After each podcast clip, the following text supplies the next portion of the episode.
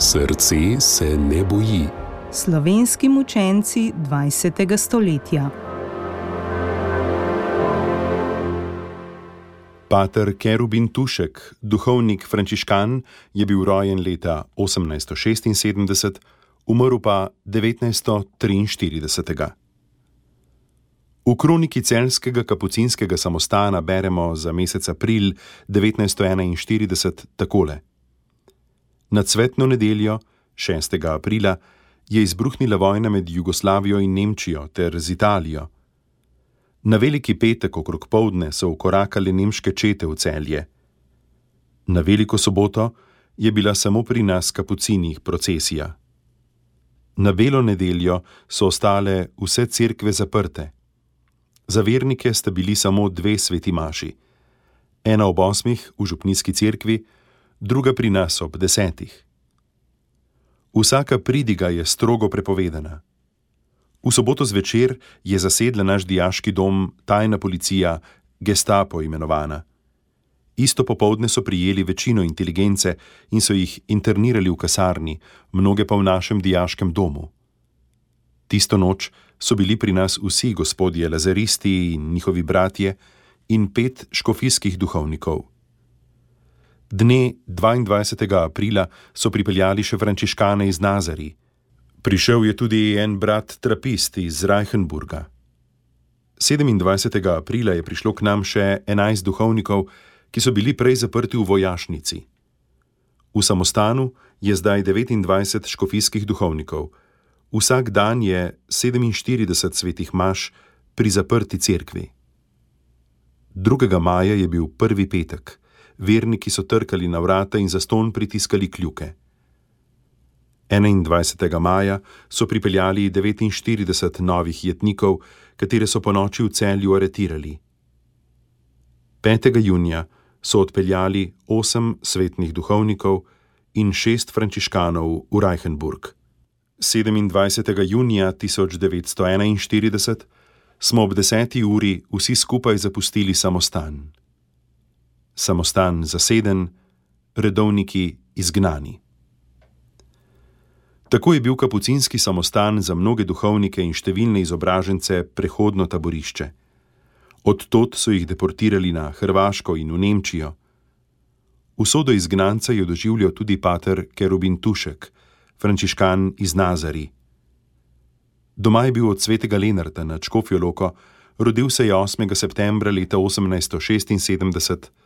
Stopil je k frančiškanom, bil leta 1900 posvečen v duhovnika, potem pa nadaljeval študij še v Rimu.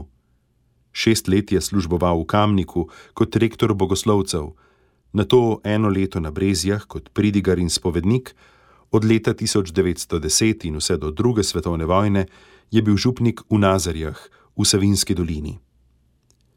Že ob prihodu v Nazarje so ljudje v mladem frančiškanu zaslutili njegovo notranje duhovno bogatstvo. Pater je takoj začel bogato pastoralno delo.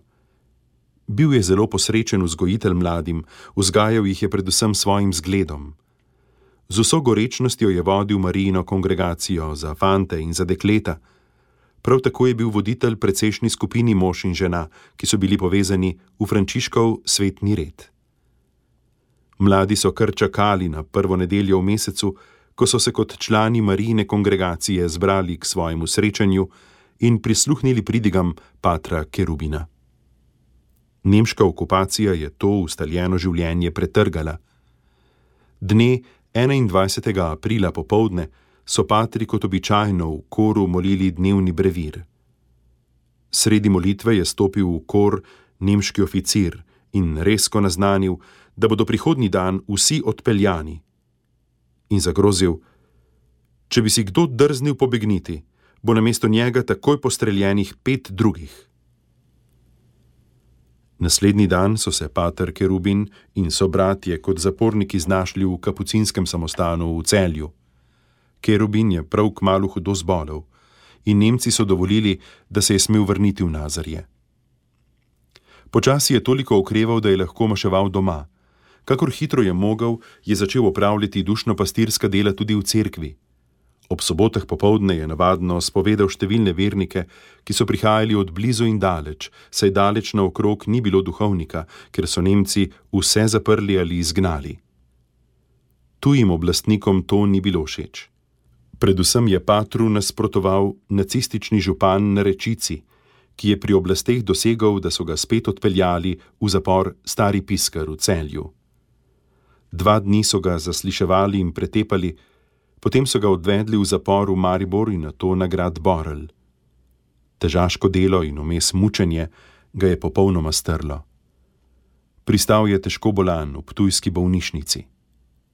Vsega onemoglega so ga oktobra 1942 odpustili in vrnil se je v Nazarje.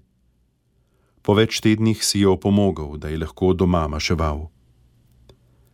17. januarja leta 1943 je pokopal nekega fanta. Pet dni zatem so ga znova zaprli in odpeljali v mariborske zapore, konec meseca pa v zloglasno taborišče Dachau.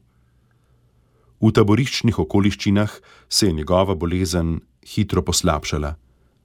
Pridružila se je še močna griža in 14. maja leta 1943 je podlegal nekaj dni pozneje so ga upepelili. Njegovi farani v Nazarjah so v njem videli svetniško osebnost, njegovo trpljenje pod nemško okupacijo in v taborišču Dahov pa so smatrali za pravo mučeništvo.